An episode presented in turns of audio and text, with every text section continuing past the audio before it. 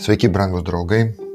Su jumis Algymantas Jankievičius ir podkastas 5 minutės.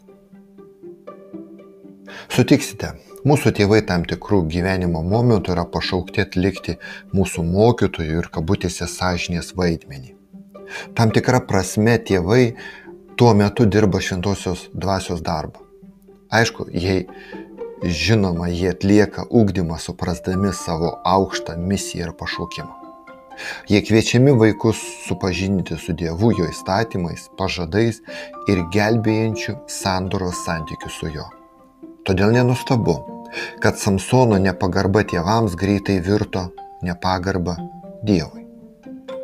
Kitas, kitas žingsnis nuopolio kelyje yra dėl to, kad Samsonas neturėjo draugų tarp Dievo baimingų žmonių, kurie galėtų jam padėti jo dvasinėme kelyje, pamokyti, palaikyti ar duoti gerų patarimų. Jis visur buvo vienas. Paskutinėme tekste apie Samsoną sakoma, kad jis turėjo brolių. Gali būti, kad gimus Samsonui jo motina nustojo būti nevaisinga ir pagimdė jam brolius kaip Ana, Samuelio motina. Bet mes niekur neskaitome, kad jo broliai buvo šalia jo iki pat mirties. Kunigo teisėjų 16 skyrius.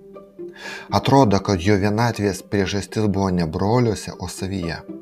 Yra toks posakis, jei žmogus neturi gerų draugų, tai jų vietą užima blogi. Taip galėjo atsitikti ir Samsūnui dėl jo nepagarbos Dievui. Jo vestuvėse niekas netėjo iš jo pusės įskyrus tėvą. Teisėjų 14 skyrius. O kai Samsonas surengė puotą, tada Filistinai pamatė jį, paskyrė jam 30 palidovų, kad būtų su juo. Tai buvo tokie draugai savo, nes po kelių dienų jie grasino nužudyti tiek Samsono žmoną, tiek Uošvį, o dar vėliau vienas iš šių draugų pasėmė savo Samsono žmoną. Teisėjų 14-20 eilutė. Vienišas Samsono širdis dar labiau liūdėjo, kai jį išdavė tiek draugai, tiek žmona nors mes skaitėme, kokie tie draugai. Apskritai matyt niekas iš Biblijos nebuvo išduotas tiek kartų, kiek Samsonas. Septynis kartus jis patyrė išdavystę tų, kuriais bandė pasitikėti. Tai atvedė jį į kartelį, dar vieną žingsnį žemyn. Kai jo mislė buvo įspręsta gudrumu ir apgaulė, Jis nuėjo Aškelono miestą ir sunaikino 30 žmonių, kurie drabužius jis padovanojo savo geriausiems kabutėse vestuvių draugams, kurie buvo filistinai. Kai Samsonas sužinojo, kad neturi žmonos, kadangi kitas ją paėmė, jis sudegino visus Timnos laukus, daržus ir vynogynus. Šis elgesys neturėjo nieko bendro su to, ką šventas raštas vadina viešpaties išlaisvinimu arba su tuo, kaip viešpas norėjo panaudoti Samsoną savo tautos tarnystėje labui. Taip, jis buvo teisėjas ir vykdė teismą priešų. Visgi, Samsono žodžiuose dažnai yra žodžiai kerštas ir gražinti. Ir tai sudaro įspūdį, kad svarbiausias prioritetas jam buvo ne Dievo valia, kuri taip pat pasireikždavo per jį, bet jo paties reikalai. Ir nebuvo svarbu pagrindė tautos interesai, jo tautos interesai.